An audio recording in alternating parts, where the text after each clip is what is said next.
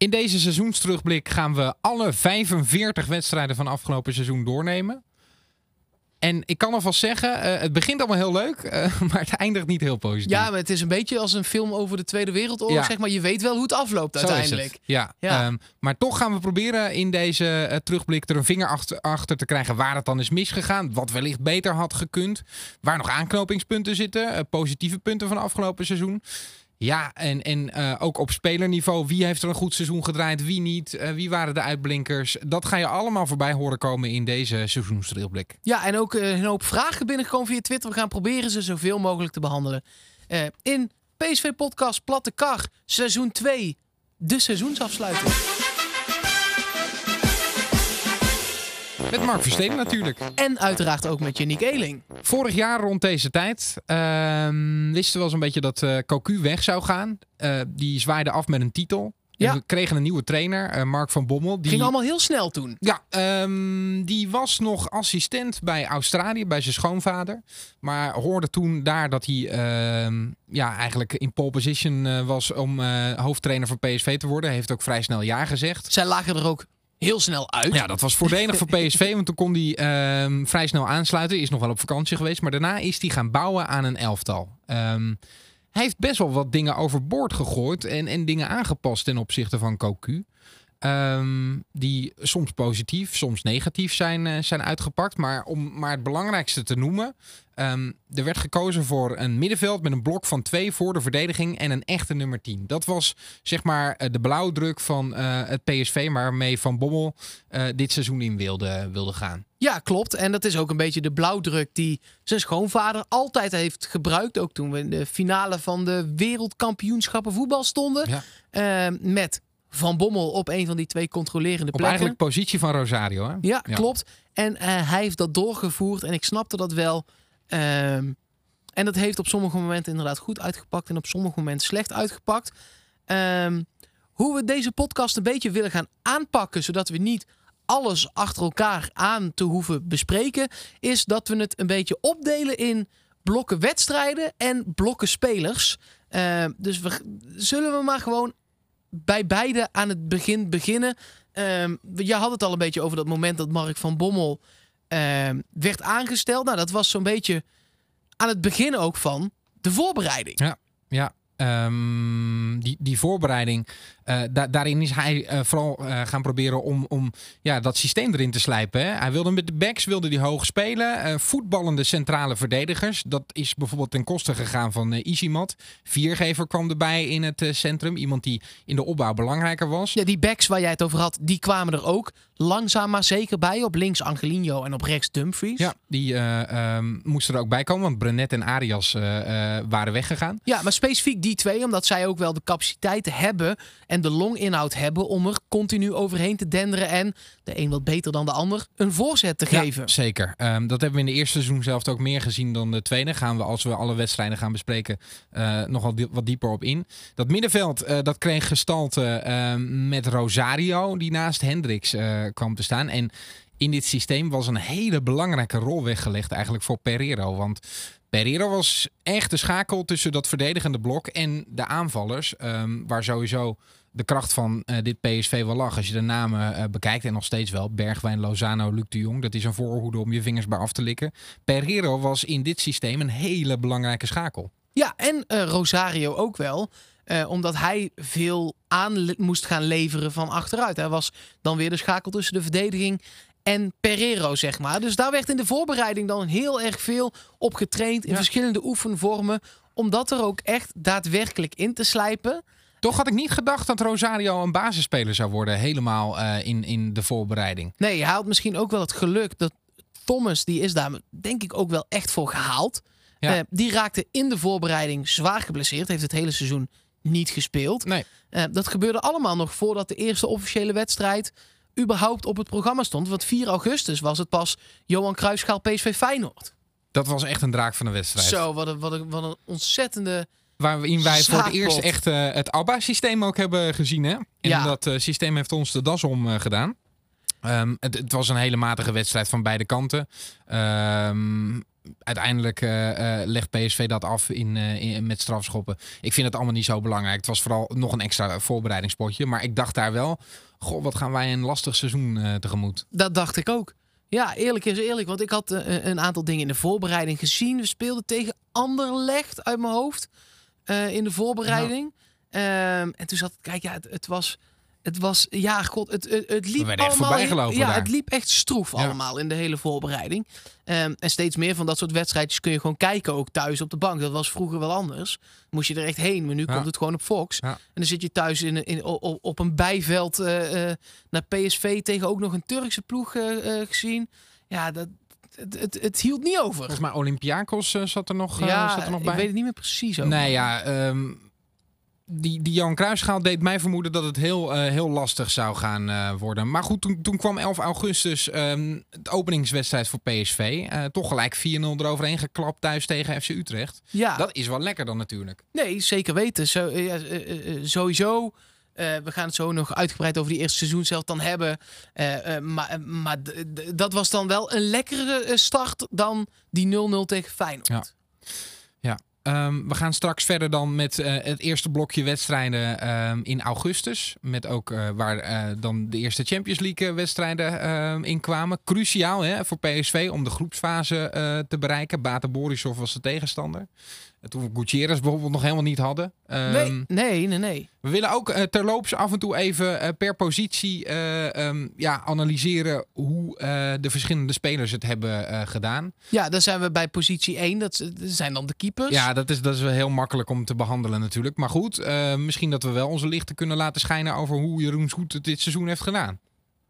Gemiddeld. Ja, hij heeft een minder zoet, goed seizoen gedraaid, denk ik, dan ehm, jaren daarvoor. Heb je dat gevoel ook? Ja, al, kijk, met Zoet is het zo dat. ehm, ik vind dat een hele lastige om te beoordelen. En ik zal ook uitleggen waarom. Omdat hij tot nu toe altijd een speler is geweest, op zijn 28ste inmiddels, hè, Ja. die in ieder seizoen nog wel een periode heeft waarin het net even wat minder gaat. Ja, en toch had ik dat dan dit seizoen niet per se. Ik had, ik had niet eh, eh, Jawel, een aan het reeks eind van het, jawel, aan het eind van het seizoen. Ze, ze, hij ging mee in de, in de malaise. Ze, we hadden op een gegeven moment net na de winterstop. eh, eh, eh, eh, een aantal eh, eh, wedstrijden waarin eh, van de zeven schoten er zes in gingen. Ja, dat is zo, ja. Dan had hij wel echt Ja, een slechte periode. En daarvan had hij er drie of vier echt kunnen hebben. Ja. En drie moeten hebben. Ja, daar heb je gelijk in. Dat was een, was een slechte fase. Want dan had je uit bij. Herenveen bijvoorbeeld niet gelijk hoeven Nee, spelen. Die, nee. de- hun eerste twee schoten dwarrelden erin. Ja. Ja, dat, dat, dat- heb je dan een goed seizoen gespeeld als keeper? Ja, gewoon gemiddeld. Hij Ja. heeft ons ook op sommige momenten echt op de been gehouden. Het is echt een goede keeper. Alleen je kunt er, en dat is een beetje net als bijvoorbeeld, bij bijvoorbeeld Kenneth Vermeer, nooit een heel seizoen echt van op aan. Nee, en moet PSV dan onderhand eh, ook een keer gaan kijken of ze een keeper moeten nemen die dan wel af en toe echt... Ja, maar waar haal je die vandaan? Nou, bijvoorbeeld bij VVV onder de lat vandaan, want die hebben we al onder contract. Ja, nou ja, eh, het zou zomaar eens kunnen. We hebben het over Oenerstal, hè? voor de Oenerstal, ja, nee, zeker. Die komt naar PSV. Die is vorig jaar al gekocht, nog een jaar terug verhuurd. En die, die komt. En het zou zomaar eens kunnen dat hij in de, in, de voorbereiding, die al heel vroeg begint, eh, daarover later ook weer meer, eh, toch de voorkeur gaat krijgen. Ik had ook een beetje het gevoel, eh, eh, als je daar een hele sterke concurrent tegen zet, tegen, eh, tegenover Zoet, dat je dan een beetje zo'n waterreusverhaal krijgt. die ook jarenlang ieder seizoen een hele sterke keeper achter zich heeft eh, gehad. Er werd, elk jaar werd er wel weer een nieuwe keeper binnengehaald. Krail. Ja, wat dacht je van Georg Koch Ja. en dat soort types? Ja, er werd, ieder jaar werd er wel iemand binnengehengeld die je dan Waterreus lastig moest maken. Maar uiteindelijk bleef hij toch altijd weer onder de lat staan. Ja, het was geen geweldige keeper, ehm, maar ook gewoon dit. Ja. Nou, wie weet overleeft Zoet het gewoon. Zou toch kunnen? Het zou het zomaar gewoon eens zo'n eh, zo'n verhaal eh, gaat eh, worden. Ja, Rome, twee potjes gekiept in de beker. Moeten we het daar nog over hebben? Nou, we gaan het straks wel even hebben over die, ja, over maar die over tweede week. Rome als keeper. Ja, nou ja, bewa- bedankt voor de bewezen diensten. Ik denk dat het een uitstekende tweede keeper is geweest. Al hebben we hem niet zoveel in actie gezien. Maar ik vind het altijd fijn als je weet dat er wat ervaring op goal staat. Ehm, ja, de, het, het, het is geen, eh, geen keeper geweest die het zoet heel moeilijk heeft eh, gemaakt. Nee. Ehm, misschien is dat jammer. Ehm, Maar gewoon prima als je zo'n gast eh, op de bank hebt zitten. Ja. Ik, hoef, ik, ik, ik was niet bang als Soet een keer geblesseerd zou raken... dat dan ons complete elftal in duigen zou vallen, zeg maar. Nee, zeker niet.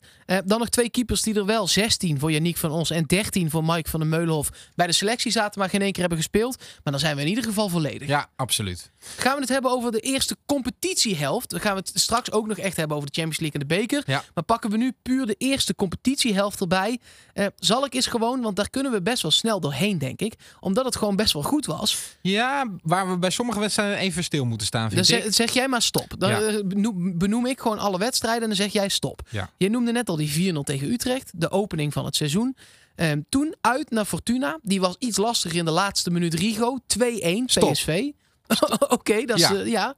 Eh, dat was echt hakken over de sloot natuurlijk. Zeker. Eh, dus we kunnen wel zeggen, het is allemaal heel goed gegaan. Maar dit was de tweede wedstrijd en daarin eh, hadden we al bijna punten verloren. Hè? ja. Chocoladebeentje van Rigo. Nee, maar eigenlijk is het ook zo dat eh, daar waar we in het tweede seizoen zelfs een aantal keer, zeker in uitwedstrijden, zijn gestruikeld, ging dat in het eerste seizoen zelf van de volgende wedstrijd 1-2 uit bij Zwolle. Ja. Dat was er ook zo één. Nou ja, kijk, we hebben in die eerste seizoen zelf hebben we van de 17 competitiewedstrijden hebben we er 16 gewonnen. Ja, Maar dat hadden er niet per se 16 moeten zijn. nee, eh, de- dat ben Ik ben ik er heel blij mee, maar eh, het is niet helemaal representatief, dat cijfer 16. Kijk, we, we kunnen nu alvast met de eindconclusie beginnen, maar dat is saai. Maar we hebben in de eerste seizoen zelf net te veel eruit gehaald dan wat er eigenlijk in zat. En in het tweede seizoen zelf net te weinig. Ja. Dus uiteindelijk volgens mij zijn we geëindigd waar, waar we horen. En dat Ja. horen PSV-fans niet graag. Want ik wil ook kampioen worden. Maar dit is wel een soort... Kijk, Ajax haalde ook gewoon belachelijk veel punten. En dit is wel gewoon het hoeveelheid punten die ongeveer eerlijk is voor de competitie, volgens mij. En toch hadden we in de tweede seizoenshelft. Ja, nee, Ja? het had gekund. Ja. Daar gaat het niet om. Eh 1-2 dus bij Zwolle. Ja, dan die 6-1 tegen Willem 2, prima. 0-7 Ja. bij, bij ADO. Dat was eh, het begin van de Goody Show. Ja, toen dacht ik, nou, die is binnen. Die, Lekker. eh, en niet zo heel lang duurde die Goody Show nee, overigens. een beetje kort zelfs. Ehm, assist en een goal. Eh, waanzinnig gedaan. Twee goals zelfs vol- volgens mij daaruit bij, eh, bij ADO. In ieder geval een, eh, met een goal en een assist. eh, en die geweldige assist op, eh, op Lozano eh, gedebuteerd. Toen ze ook een soort Dragon Ball Z gebaar maakte, dacht ik echt, nou, dit wordt het magische tandem dat PSV helemaal aan de hand gaat eh, nemen. En ja, eh, eh, dat, dat gaat maar wervelwind worden van je welste. Ja, nee, ja, ik hoopte dat ook. Eén doelpunt maakte Eén doelpunt, hè? Ja. En, een, eh, en die assist op eh, Lozano. Maar goed, eh 0-7, dat, dat waren klinkende, klinkende cijfers. Dat is eigenlijk ook de enige uitwedstrijd waarin het echt heel erg goed is eh, gegaan. En dat kwam ook omdat ADO heel zwak was. Klopt. Eh, toen kwam voor mij toch echt wel een verrassing. Die 3-0 thuis tegen Ajax. Ik Ja. liep in eh, Disneyland Parijs op dat moment. Want het was op 23 september. En ehm, het ehm, ene laatste weekend van september is altijd de, de Disney Run. En dat doe ik dan aan mee. En ik liep daar met wat Ajaxiden. En ik liep daar toch een beetje schoorvoetend. en eh, toen werd het 1-0. Toen dacht ik, nou oké, oké, 1-0, prima. Ik zat gewoon te kijken hè, in de, eh, eh, op mijn telefoon, die wedstrijd. Eerste helemaal. helft dit, hè? In, in Ratatouille, Ja. de, de attractie, zat ik de eerste helft te kijken. en ehm, ik zat op het achterste bankje. En op het voorste bankje eh, zaten drie mensen die voor Ajax zijn. En jij kent die mensen ook. Oké. En één daarvan is de heer De Wit. Ah ja, En die is ook wel fanatiek. eh, zeker. Totdat ze verliezen. En dan maakt het hem ineens Nee, niet zoveel meer uit. allemaal... ja. Dus ik riep in Ratatouille 1-0, yes, lekker. En hij kon niet kijken. Nee. Hij zegt, ja, ja, ja, ja, je zit met de kutten. Toen stapten we uit, want het ging echt rete snel. 2-0. Ja, Dus ik zeg, het is 2-0. Hij zegt, nee, dat is niet. Dus ik laat zien. Nou, dat was een hele mooie middag, kan ik je vertellen. Ondanks dat ik niet in Nederland was. Ja, fantastisch. Ehm, ik vond het ook een verrassing. Ik vind ook dat daar een enorme tactische mispeer is gemaakt door eh, Erik ten Hag. Zeker. Ehm, Eh, de licht was toen ziek. Ja, of die geblesseerd. speelde in ieder geval niet. Nee. Ehm, ehm, zat niet bij de selectie. En ehm, ten Hag koos ervoor om eh Frenkie de Jong tegen Luc de Jong te zetten eigenlijk. Eh, Samen met Blind een beetje. Ja, in de cent- eh, centraal in de verdediging niet voor Weber te kiezen. die ze in de winter ook weg hebben gedaan. maar die wel fysiek een stuk meer brengt. En Frenkie de Jong heeft daar een van zijn slechtste wedstrijden, zo niet zijn slechtste wedstrijd gespeeld. En lag aan de basis van een, eh, eh, ja, eigenlijk een vernedering in de eerste helft. eh, die PSV bij Ajax ja, op de broek gaf, zeg maar. Ehm, het ging ook heel snel, want Ajax probeerde wel te voetballen, maar PSV was zo ontzettend effectief in die wedstrijd. Dat is ongelooflijk. Elke kans vloog er gewoon in in de eerste helft. En ja, in de tweede helft was het gewoon uitvoetballen. Ehm, dus dat was heel lekker. En Zeker. had ik het gevoel, we gaan eh, misschien nog wel heel erg eh, richting dat kampioenschap. Ja, Dat nee, was ja, eigenlijk de eerste keer dat ik dat echt voelde. Want die wedstrijden ervoor, eh, nog even Utrecht dan was makkelijk, Willem II was makkelijk. Maar daartussen zaten Peck en Fortuna, kantje boord. Ehm, had ik het niet zo gedacht. Nee. Ja, en toen kwam dus inderdaad die reeks 6 in Willem 2, 0-7 ADO, 3-0 Ajax. Toen pakte PSV ook wel door. Al was het uit bij NAC met 0-2 wel Ja, echt wat was ook stroevig. pas aan het einde dat die 0-2 erin viel. Hè? Ja, zeker. Had tevreden nog een grote kans Ja. wel. Eh, maar toen in oktober 4-0 thuis VVV, 6-0 thuis tegen Emmen. Weer uit wat moeizamer tegen Groningen Ja, 1-2. Dumfries. Ja, zeker. En ook weer de laatste minuten.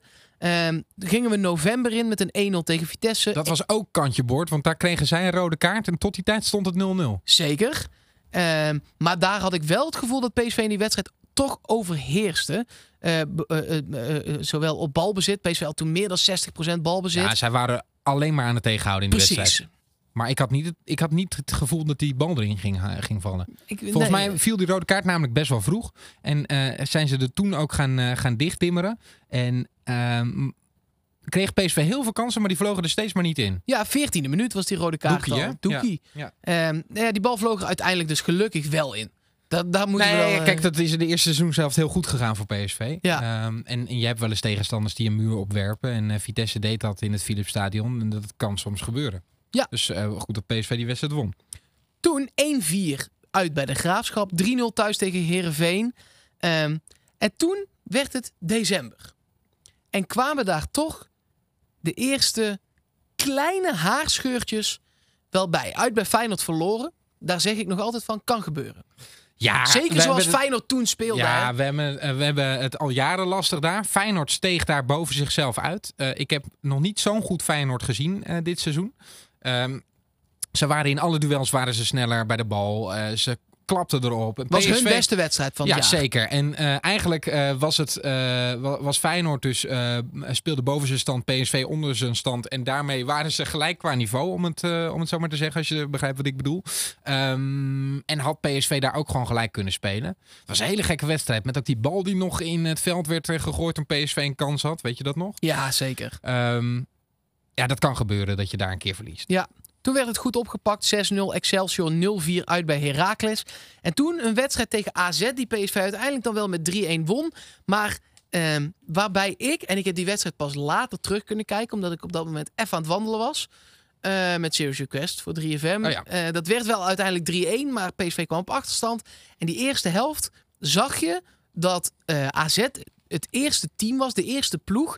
die het nieuwe systeem dat PSV aan het spelen was echt onder controle had in eerste instantie. En dat PSV daar niet meteen een antwoord op had. En dat Pereiro er voor het eerst echt doorheen zakte. Ik durf zelfs te zeggen dat deze wedstrijd het omslagpunt is geweest in het seizoen van PSV. Ook in de koppies van de spelers. Ja, nee, maar ook eh Pereiro werd daar eh, vrij snel naar de kant gehaald. Sadilek eh, kwam er toen in. Toen veranderde er toch wat in de hiërarchie op het middenveld. Sadilek is iemand die het ook van zijn duelkracht moet hebben, die erop moet klappen. En die viel heel goed in, waardoor PSV die wedstrijd nog naar zich toe trok.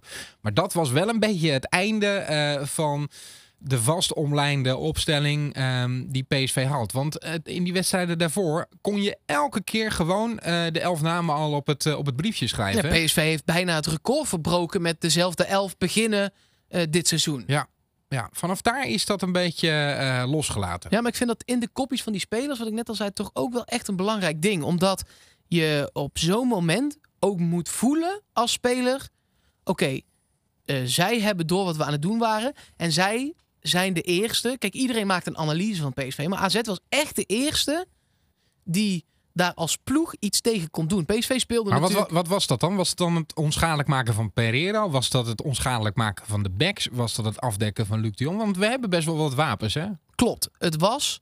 ehm, nee, ja, ik ben geen analist. Maar PSV speelde al het hele seizoen met Luc de Jong in het centrum. De buitenspelers, de aanvallende buitenspelers, wat meer in de half spaces. Dus tussen, tussen de spits en de zijlijn Ja. in, zeg maar. Eh, en de backs die er overheen aan het denderen waren. En AZ deed dat gewoon heel slim met het overnemen. Svensson, de back, weet je wel, van AZ. Die stond dan bij ehm, eh, Lozano of Bergwijn, wie er dan aan zijn kant stond op dat moment. Maar die nam elke keer op het juiste moment over. En de centrale verdedigers en de verdedigende middenvelders van AZ vingen dan vervolgens weer die halfspacers van PSV Ja. op. Dat deden ze super slim. En daardoor kwam Pereiro ook inderdaad niet aan de bal. Nee. Omdat die kon niet bereikt worden, want daar was het telkens super druk. Ja. ja, was gewoon heel slim opgelost. En je zag in de tweede seizoenshelft dat verschillende ploegen dat hebben overgenomen. En dat PSV toch moeite had met een plan B. Ja, en ik denk ook dat het nog een beetje eh, meespeelt dat AZ durfde om de buitenspelers ook echt buitenspelers te laten blijven. En niet, Niet mee mee- te laten gaan nee. met de backs. Want ehm, in de eerste seizoen zelf hebben wij heel veel gehad in aanvallend opzicht eh, aan Angelino en aan Dumfries. En in de tweede seizoen zelf was dat een stuk minder, omdat ploegen toen ook zagen, als wij die buitenspelers eh, eh, proberen uit de rug te laten lopen van die backs van PSV, dan ligt daar echt nog wel wat ruimte. En ehm, als dat centrale duo van PSV uit elkaar werd getrokken, omdat de backs heel hoog stonden, dus als viergever of eh, Schwab naar de zijkant moest, dan werd het eigenlijk altijd gevaarlijk. Klopt. We gaan het zo hebben over die tweede seizoen zelf. Dat is wel pas over een tijdje, want daar zit de beker en de Champions League nog tussen. Ja. Maar laten we het ook dan weer eens om de, deze wedstrijden en deze eerste competitieseizoenshelft achter ons te laten. Kijken naar die verdedigers. Want je had het er net al over. Ze hadden een redelijk wisselvallig seizoen als je kijkt eh, sowieso per speler. Ehm, laten we beginnen aan de buitenkanten. Dumfries en Angelino. Hoe vind je dat die het hebben gedaan? Kijk, Dumfries had eh, een lastige eh, situatie. Die kwam van Heerenveen en moest even Arias komen vervangen. Eh, dat heeft hij geweldig gedaan. Eh, die heeft, zijn groei heeft hij doorgezet eh, bij PSV. Die hij eh, sinds zijn overgang van Sparta naar Heerenveen heeft ingezet. Nederland zelf al heeft hij eh, gehaald. Echt, hij heeft voor mij boven verwachting gepresteerd. Ik heb wel het idee dat het seizoen voor Dumfries wel heel erg lang duurde. En ehm, dat het aan het einde van het seizoen zeer wisselvallig werd. En ehm, nou ja, we hebben net de Nations League ook eh, achter de rug. Hij eh, stond eh, vaak goed gepositioneerd. Eh, maar ik had ook wel het idee dat soms de concentratie om het in de eindfase goed te doen, dat die ontbrak. En dat is volgens mij ook een beetje te, te wijten aan al die wedstrijden. 45 heeft PSV daar eh, gespeeld. Dumfries heeft er ook heel wat eh van meegedaan. 43 Ja, kun je daarvan. nagaan. Ja. Hij heeft een van de meeste minuten gemaakt. Hij heeft bijvoorbeeld meer minuten gemaakt dan viergever. Ja. Eh, net maar iets minder dan Luc de Jong, die echt bijna alles heeft gespeeld.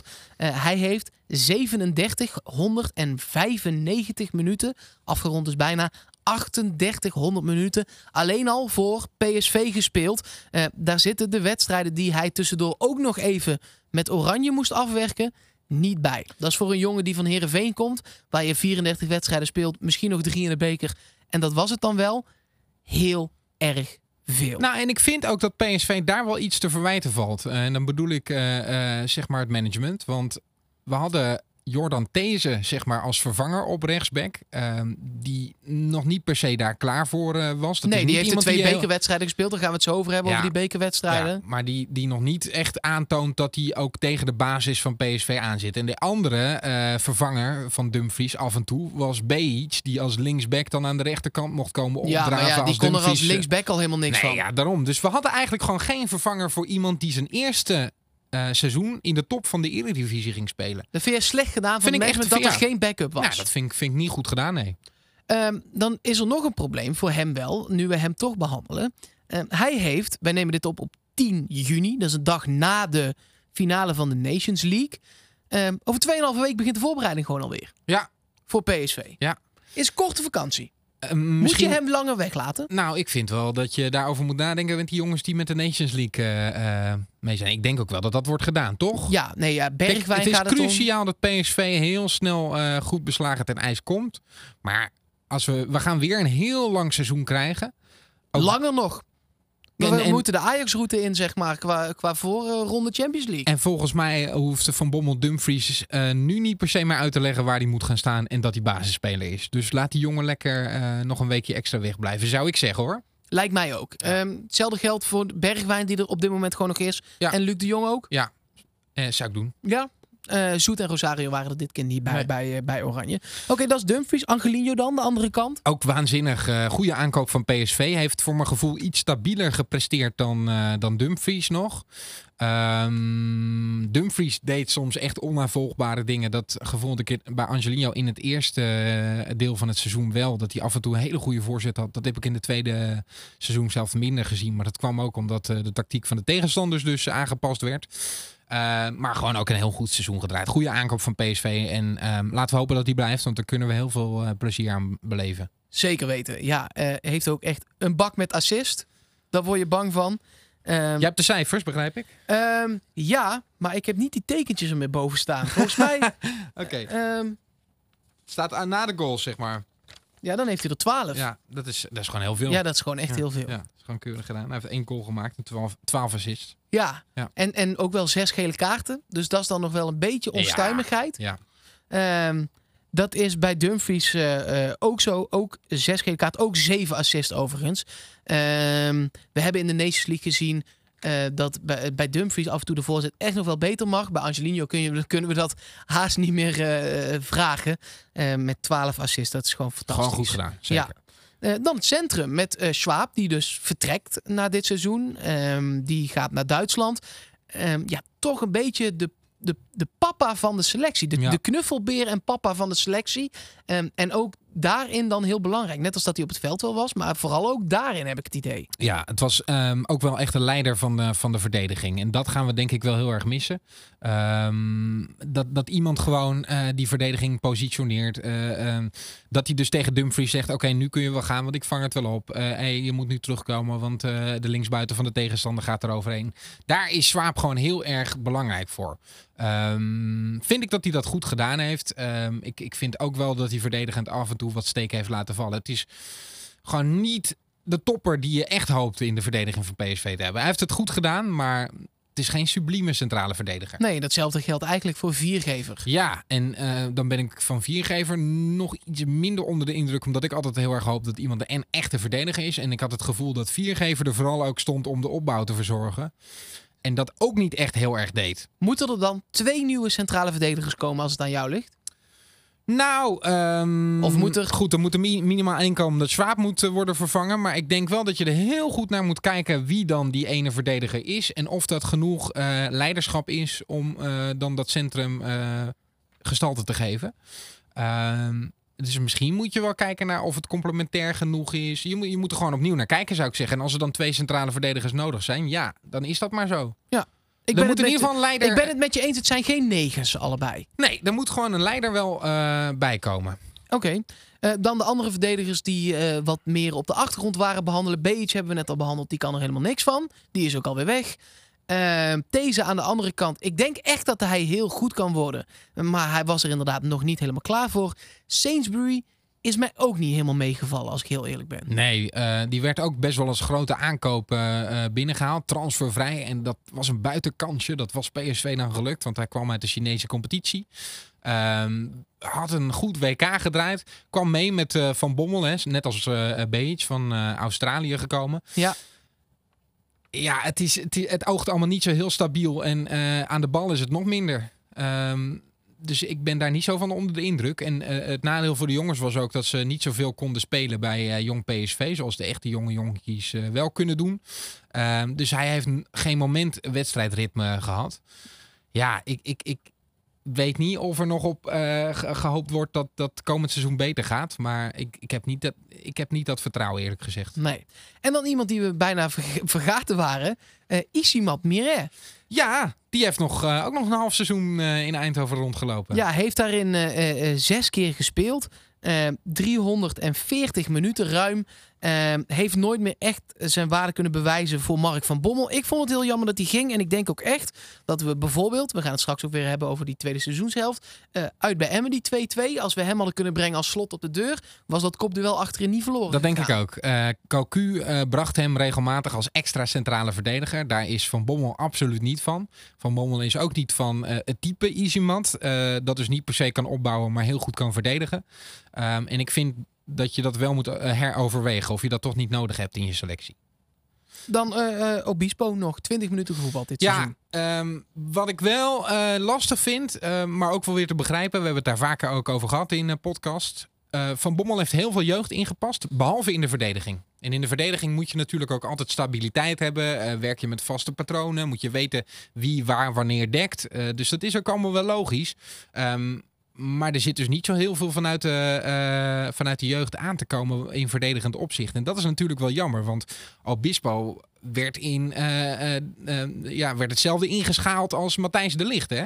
Ja, nee, zeker. Eh, eh, Ade Mos heeft over hem georeerd dat, dat hij echt een van de nieuwe spelers was die Oranje ging halen. Ja, en, en, en, ja. Nou, Eh, dat is niet gelukt Nee, tot nu zeker toe. niet. Atemos zit er wel eens naast. eh, maar eh, Maar ziet ook wel heel veel wedstrijden. zeker. Ehm, dus ja, ehm, moet je dan soms niet iemand daar vertrouwen geven? Ehm, dat vraag ik me dan af. Het PSV heeft ook zeker in het tweede seizoen zelfs niet echt de mogelijkheden gehad om verdedigers in te brengen, zeg maar. Het was niet dat we veel wedstrijden hadden waar het even speelkwartier was en dat dat ook echt kon. Nee. Dus ja, dat was, het is een lastig seizoen geweest voor hem. Moet je hem bijvoorbeeld verhuren? Ja, ik zou toch wel heel goed kijken. En dat, geldt dan niet alleen voor hem, maar ook eh, eh, met het oog op de toekomst voor verdedigende talenten die er tegenaan zitten. Die moet je eigenlijk gewoon eh, een jaar ervaring laten opdoen in de Eredivisie. Eh, want bij jong PSV kunnen ze wel spelen. eh, maar zeker in Eredivisie, als je in de lagere regionen speelt, komt er een hoop op je af als verdediger.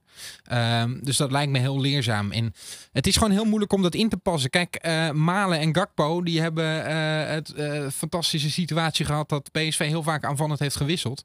Ja, en dan krijgen zij hun minuten wel. Maar die verdedigers, die hoeven daar niet op te hopen voorlopig. Nee, deze is overigens 19. eh, Obispo is 20. Dus het kan nog allemaal. nee, ja, eh, absoluut. prima. Eh, dus je kan ze ook nu nog vuren. Maar dat is wel iets om over na te denken natuurlijk. ik wil gewoon compleet zijn in deze podcast. Dus ik noem hem even. Dirk Abels eh, speelt inmiddels bij Sparta. Speelde in de eh play-offs ook. Eh, maar heeft ook bij PSV één wedstrijd gevoetbald. Die duurde 120 minuten. En dan weet jij wel, dan hebben we meteen het bruggetje naar de bekerwedstrijd, Janiek. Welke wedstrijd dat dan precies Doet was. Nog steeds pijn, hè? Kijk, ehm, we hebben één bekerronde nog overleefd, hè? Om nog even met positieve te beginnen. We wonnen namelijk eh, ja, glansrijk van eh, Excelsior Maasluis. Dat was rondom de Champions League wedstrijden helemaal aan het begin van het seizoen. Ehm, dat ging allemaal prima, maar ja... van Bommel heeft dat volgens mij onderschat of wilde heel snel eruit zijn. Ehm, maar die wedstrijd tegen RKC, dat leek natuurlijk helemaal nergens op. En ik vind dat wel PSV onwaardig. Ben ik helemaal met je eens. Ja, helaas. Eh, eh, ik, ik snap ook dat je met eh, elf anderen wil beginnen.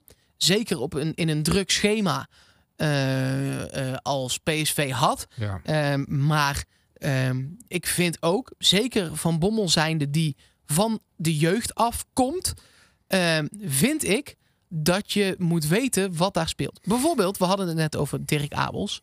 Ehm, nou, dat was, echt, dat, dat was echt nog slechter dan. Ja. Die, die speelde die wedstrijd echt met, met vier paar dozen om zijn schoenen. Ik denk dus zelfs als je eh, jong PSV deze wedstrijd had laten spelen, gewoon het elftal dat daar normaal gesproken erin staat, dan had je hem gewonnen. Want nu eh, zat er heel veel zand in de molen, omdat jongens als Sainsbury en Beach allemaal moesten spelen. En eh, we hebben het over 30 oktober. Eh, we waren sinds augustus waren we bezig. Ehm, ja, dan, eh, dan, dan heb je gewoon geen elftal dat draait. Even de, de opstelling van die wedstrijd waarin we er dus uitvlogen in de beker.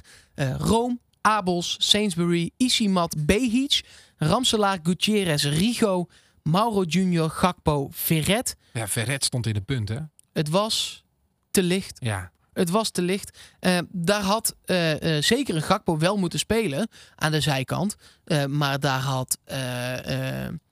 ja, je mag hopen dat Romero die wedstrijd had kunnen meedoen. ja, dat is eigenlijk wel wa- wa- wat Maar als je dat hoopt. dus niet zo is, dan moet je misschien toch Luc de Jong dan maar laten spelen totdat het 2-0 is. Ja. Ja, Als je Iatare daar zo- was toen nog niet in beeld, maar dat Nee. was ook zo iemand geweest. Maar dit, dit was loshangend zand. Ja.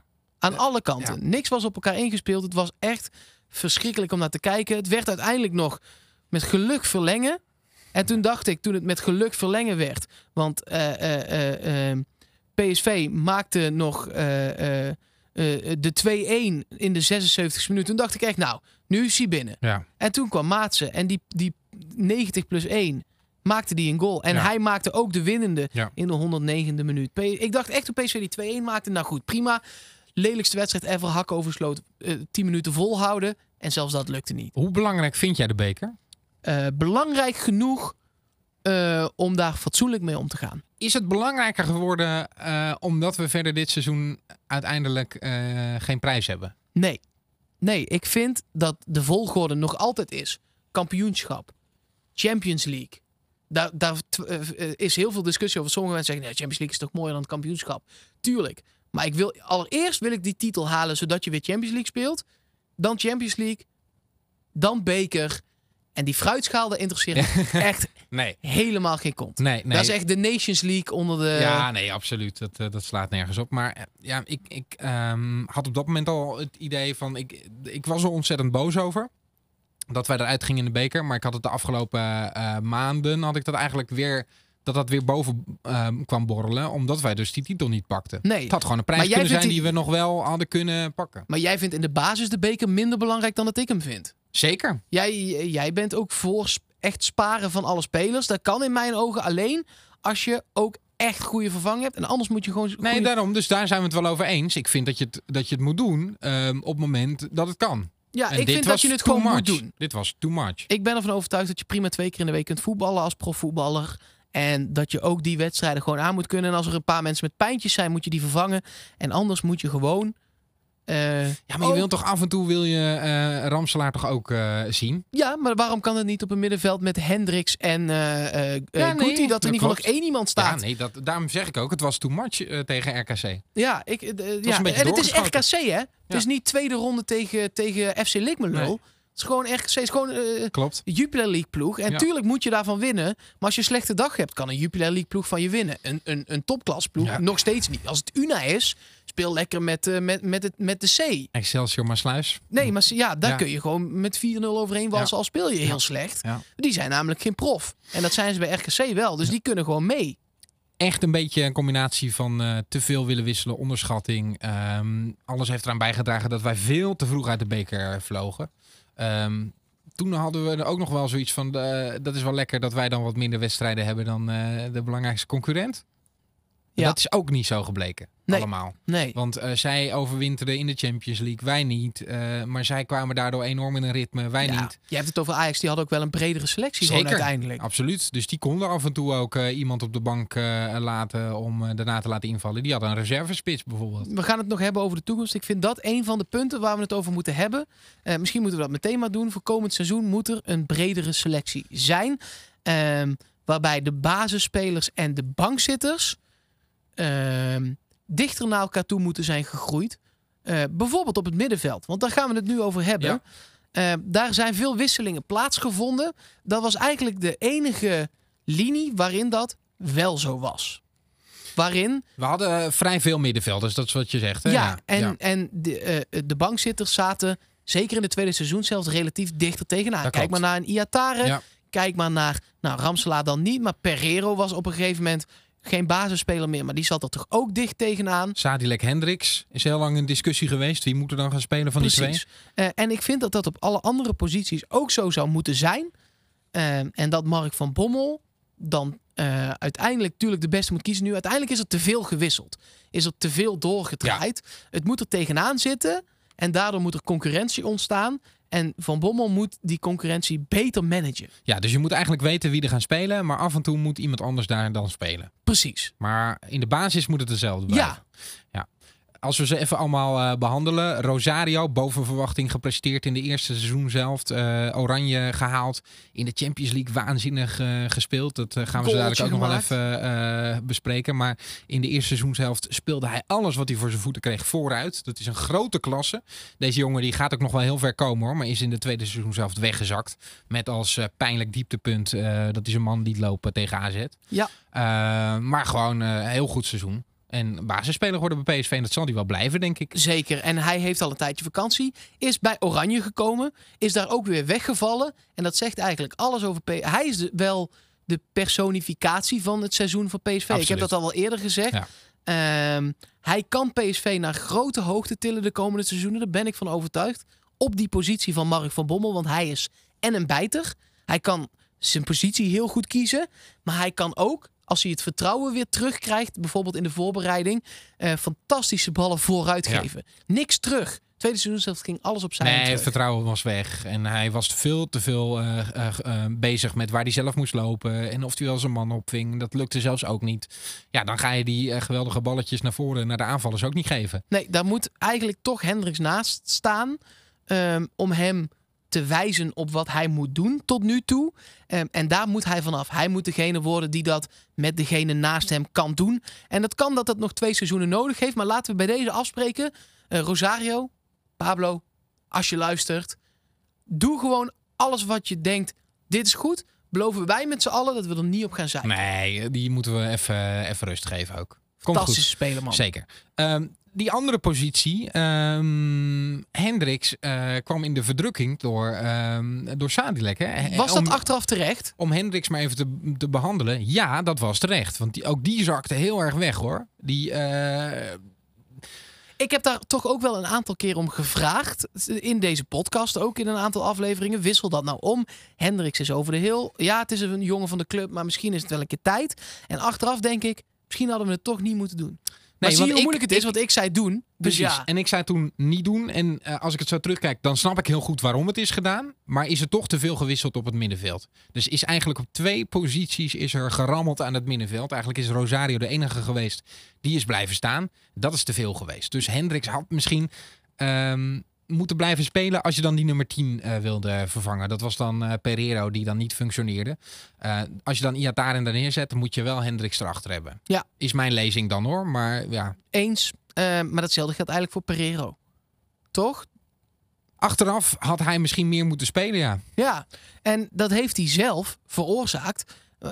Want hij kan er op de een of andere manier niet voor zorgen, bij welke trainer of supporter dan ook, dat hij een 100% Het zekerheidje is, is. het is gewoon niet stabiel genoeg. En, ehm, Is dat- hij, eh, eh, hij moet een mooi weervoetballer zijn. Ja, maar Het gebeurt namelijk elke het keer in de winter. seizoen. En ik snap ook wel ehm, da- dat je hem dan uit die basis haalt. Eh, en dan kan je achteraf wel zeggen, ja, daar is het misgegaan. Ja, maar dan is het voor Pereiro dus misgegaan. En daarmee voor PSV. Ja. Dus had je hem dan moeten laten staan, dan had hij het misschien ook wel verkloot in het veld. Wat zou het toch zijn hè, bij dat soort spelers? Moet, moet je ze minder laten trainen? Ik denk dat ook nog wel Zit het in zijn hoofd? Ik denk dat het ook nog wel gespeeld heeft dat hij niet bijgetekend heeft nog.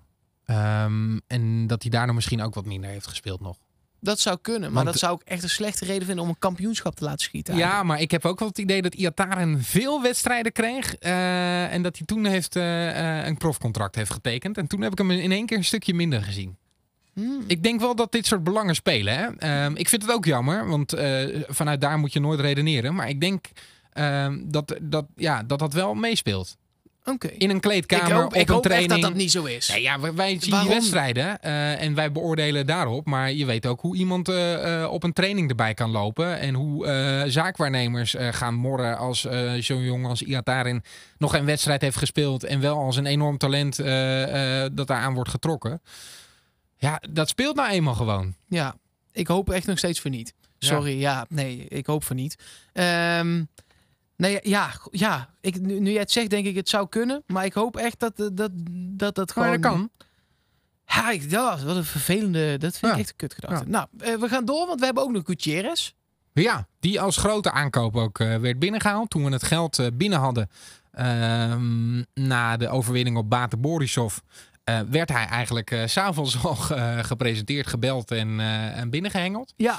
Ehm, Waarvan Kan- PSV zei, nee, dat was echt niet omdat dat het moment was toen we het geld kregen. Ja, natuurlijk wel. ja, en ehm, hij kan geweldig eh, eh, voetballen. Aan de bal is, eh, is hij iemand die het spel van PSV heel ver vooruit kan brengen. Maar in zijn, het kiezen van een positie ehm, is het erg breekbaar. En als je dan Rosario hebt die ook nog te veel met zichzelf bezig was... dan kan dat dus niet een, een duo zijn. Bovendien, op 10 was hij gewoon niet goed genoeg. Ik vind Guti nog steeds een fantastische voetballer. Ik heb beelden van hem gezien waarvan ik denk, dat moet hij hier ook kunnen. Hij kan het ook. Ik heb het volste vertrouwen nog in hem. En ik denk dat hij prima een duo met Rosario kan vormen.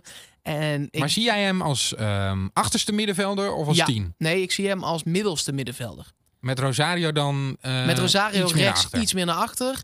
Guti links iets meer naar voren. Maar echt maar iets. En dan in de punt eh, Ja, een nummer 10. een 10. Ehm, nou zie ik het ook nog voor me. En dan kom ik weer met mijn stokpaardje. Guti en Thomas. Met Rosario daar iets voor. Of Rosario en Thomas. Met misschien toch Guti of Iatare ja, ervoor. maar nu ga jij dus eh, rammelen aan de filosofie van Mark van Bommel. Dat Ja, doe dat ik gaat heel graag. niet. Ja, ik ook, maar dat gaat hij zelf natuurlijk niet doen. Jawel. Jawel, want Mark luistert altijd naar mij. Ja, dat is zo. Ja, ik heb hem een keer gebeld. Toen zei hij, ik luister altijd. en eh, als jullie nou gewoon even zeggen wat ik moet doen. Nou, Ja, ik ik, heb, ik echt groot vertrouwen in Thomas. Een middenvelder. Ja. Dus we zitten nu bij de middenvelders. Die nul minuten heeft gemaakt. eh, op de weg terug is. En waar ik het aller, aller, allergrootste vertrouwen in heb. Ooit voor volgend seizoen. Eh, en ehm, vind je dat hij genoeg body heeft om dan als een van die achterste middenvelders te spelen? Ja, zeker. Kon hij bij, bij Zwolle stak je er met twee koppen en zes schouders bovenuit. Dat is En wel een ander niveautje dan PSV. Ik denk dat hij daar aan kan. Ja. Ik denk dat dit zo'n speler is zoals een Wijnaldum. Ja. Die, eh, of een Mertens, die van AGOVV kwam. Waarbij je bij elke stap die hij zet denkt... God, kan hij dat aan? Dumfries ook. Dumfries, heb Ja. ik dat ook mee? Kan- Ja. Zou hij dat aankunnen? En uiteindelijk is het antwoord telkens... Ja, dat kan niet. Nou, dat ben- vind ik wel interessant. En ik ben ook wel benieuwd inderdaad hoe dan de invulling van het middenveld gaat, eh, gaat zijn. Maar ehm, ja, Sadilek eh, eh, heeft natuurlijk Hendricks een beetje uit de basis gespeeld. Heeft, is doorgebroken bij PSV. Hij heeft het eerste gehaald. Goed seizoen. Is een type waar Van Bommel heel erg van houdt. Waar ik zelf persoonlijk iets minder om geef. Ja, ik hou daar ook wel van. Ja, ik Moutjes opstropen Ja. eh, en heel snel die bal inleveren. Dat vond ik altijd fijn, want hij is niet de beste voetballer. Geef mij Guti maar. Ja, kijk, eh, d- als voetballer natuurlijk altijd, Mark. Maar ehm, dat verzaken, daar was ik wel heel erg klaar mee. Eh, dan gaan we het kopje middenvelders afsluiten voor nu. Want we kunnen er eeuwig over blijven lullen. Eh, met de naam Loentvist. Want die heeft gewoon twee potjes gespeeld. 80 minuten gemaakt. één potje gewonnen. één potje verloren. Eh, Nou, ik wilde nog wel twee noemen. Want Oké, vooruit. Ramselaar bijvoorbeeld. Ja, die heeft niet gespeeld. Niet gespeeld onder Van Bommel, terwijl hij onder Cocu re- regelmatig inviel. En ook basisspeler is ja, geweest. Nee, ja, dat is waar. Heeft overigens wel eh, zeven keer gespeeld. Ramselaar Ja. nog. Eh, als in, hij heeft zeven keer op het veld gestaan. Waarvan één keer 120 minuten. Telt die er heel even af tegen RKC. In die andere zes we- wedstrijden bij elkaar 50 minuten Ja. gemaakt. Het was niet goed genoeg, maar ik vind het toch zonde. Ja, nee, ja, vooruit. Het is een, eh, een brede aankoop eh, geweest, maar dat geld gooi je eigenlijk weg nu. Ja, en wilde je Rigo ook nog noemen? Ehm, ja, en Mauro. En Mauro. Die ook nog een beetje als aanvaller eh, in de picture was. Maar die kwam, leek onder Cocu door te komen. En die hebben we helemaal niet meer gezien. Dat vind ik toch wel opvallend hoor. Klopt, zeker. En ik denk ook dat dat niet meer gaat gebeuren voor hem. Bij PSV. Nee. Nee, en dat, kijk, we hebben heel veel jonge jongens die er doorheen zijn gekomen dan. Dat is allemaal positief. Maar er zijn ook jonge jongens die er die terug zijn gegaan in hun ontwikkeling eigenlijk. Klopt. Ehm, Ja, daar en je we- moet als trainer moet je ook keuzes maken hoor. Dus dat gaat nou eenmaal eh, gebeuren. Maar het is toch wel goed om dat even te benoemen. Ja, en het eh, valt ook wel weer op hoeveel een trainer dan voor een speler kan betekenen, Absoluut. wel of niet. Absoluut. Ehm, nog heel even, Rigo heeft eh, zes keer op het veld gestaan, 250 minuten. En voor Mauro Junior geldt dat hij acht keer in eh, het veld heeft gestaan en ook nog eh, een doelpuntje heeft gemaakt. Dat geldt voor Rigo natuurlijk ook. Ja, hele belangrijke. Ja, zeker. Uit bij Fortuna. Dan, ja, eh, toch, da- daar beleef je toch een aantal van de mooiste momenten, Yannick. Ik, ik, ik moet heel Dat we die hymne, Ja. dat, dat, we dat gingen horen en dat we dat tegen Bate Borisov voor het eerst hoorden. Ehm, weer, ja, dat, dat was heel prettig voor mij. Zeker met eh Osjek in het achterhoofd ehm, was ik er heel blij mee dat, het, eh, ja, dat, dat, dat we dat weer hadden binnengehaald. Ik, ik, heb geen, ik heb nu uit het systeem van, de, van waar we nu zitten eh, iets gepakt wat Champions League theme heet. Ik heb Nou, zal geen idee of dit het is, maar ik hoop dat we nu even kunnen genieten. Ja, Ja. Dat we hem nog eventjes kunnen eventjes horen. lekker. Ik weet nog dat ik die vlag zag wapperen op de middenstip in het Philipsstadion weer. Ja, is Ja. lekker. Nou, ik word zelfs blij van alles wat afgeplakt moet worden op zo'n moment. Ja, Ja, Philips echt. TV, alles, inderdaad.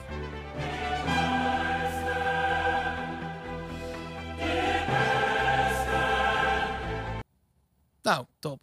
Dat was het. Nou, zo ging het eh, seizoen voor PSV ook een beetje in de ja, ja, Champions ja. Da- Daar hield het fragmentje op. eh, dat in het systeem zat. Nou, prima. Nou, zo was me, het ook echt. Ik kan me nog herinneren ook dat wij eh, in deze podcast, in een eerdere aflevering, hebben gesproken met de man die dan gaat over. Het afplakken, Ja. het neerzetten van alles, Ja. het wisselen van de kamers. Want de perskamer is ineens op een andere plek. En eh, nou, de kleedkamers zijn nog net op dezelfde plek.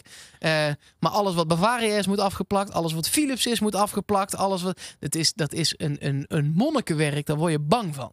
En ik was heel erg bang eh, voor Bate Borisov.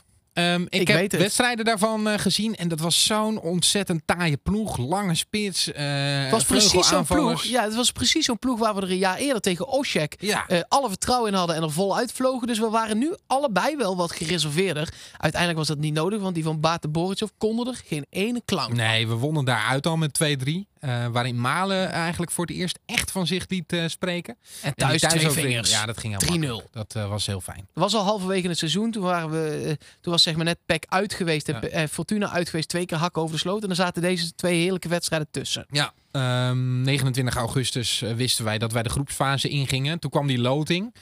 Nou, dat ging slechter dan je had kunnen bedenken.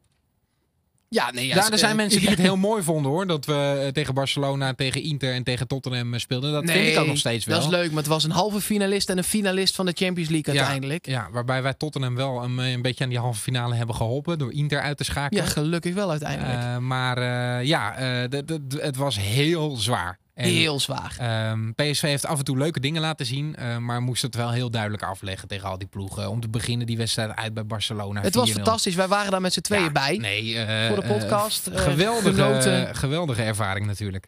Daar op het terrasje ook nog een podcast opgenomen. Dat was onze eerste podcast buitenshuis. Eh, dat zijn we sinds dit seizoen ook wel, wel vaker gaan doen. Ja. Hè? Van tevoren op het terrasje. Na die wedstrijd tegen Barcelona op de tribunes van Camp Nou. Dus dat zijn voor ons twee goede herinneringen aan die wedstrijd. We konden ook een half uur lang mee. Maar toen eh, eh, kwam daar, hoe heette die nou? Eh, die Argentijn, hè? Lionel. Ja, precies. ja, god, Die nummer 10. eh, ja, Weet wie die je ene. Ja, Weet die wie ene. Ik vergeet zijn naam steeds. Ja. Eh, maar dat kan nog wel eens wel worden, die speler. Ja, Eh, 4-0 uiteindelijk. Ehm, Drie keer, drie keer Messi. Ja, Toen, volgens mij daarna kwam die wedstrijd tegen Inter thuis. En dat was wel echt weer dat ouderwetse kolkende sfeertje in het Philips Stadion. Echt de Champions League, eh, al die vlaggen eh, en PSV eh, begon heel goed. Rosario maakte een goal. Ehm, maar ook Inter bleek gewoon ehm, Europees veel doorgewinterder te zijn. ja, we gingen rusten wel met nog een aardige uitslag. Ehm, en toen zei ik al tegen... Jij was daarbij als verslaggever Ja, volgens mij, ja, hè? ja. Ehm, ik was, zat op de tribune gewoon als fan. En toen zei ik al tegen eh, vrienden van mij... Ja, die 1-1 is nu net voor rust gevallen.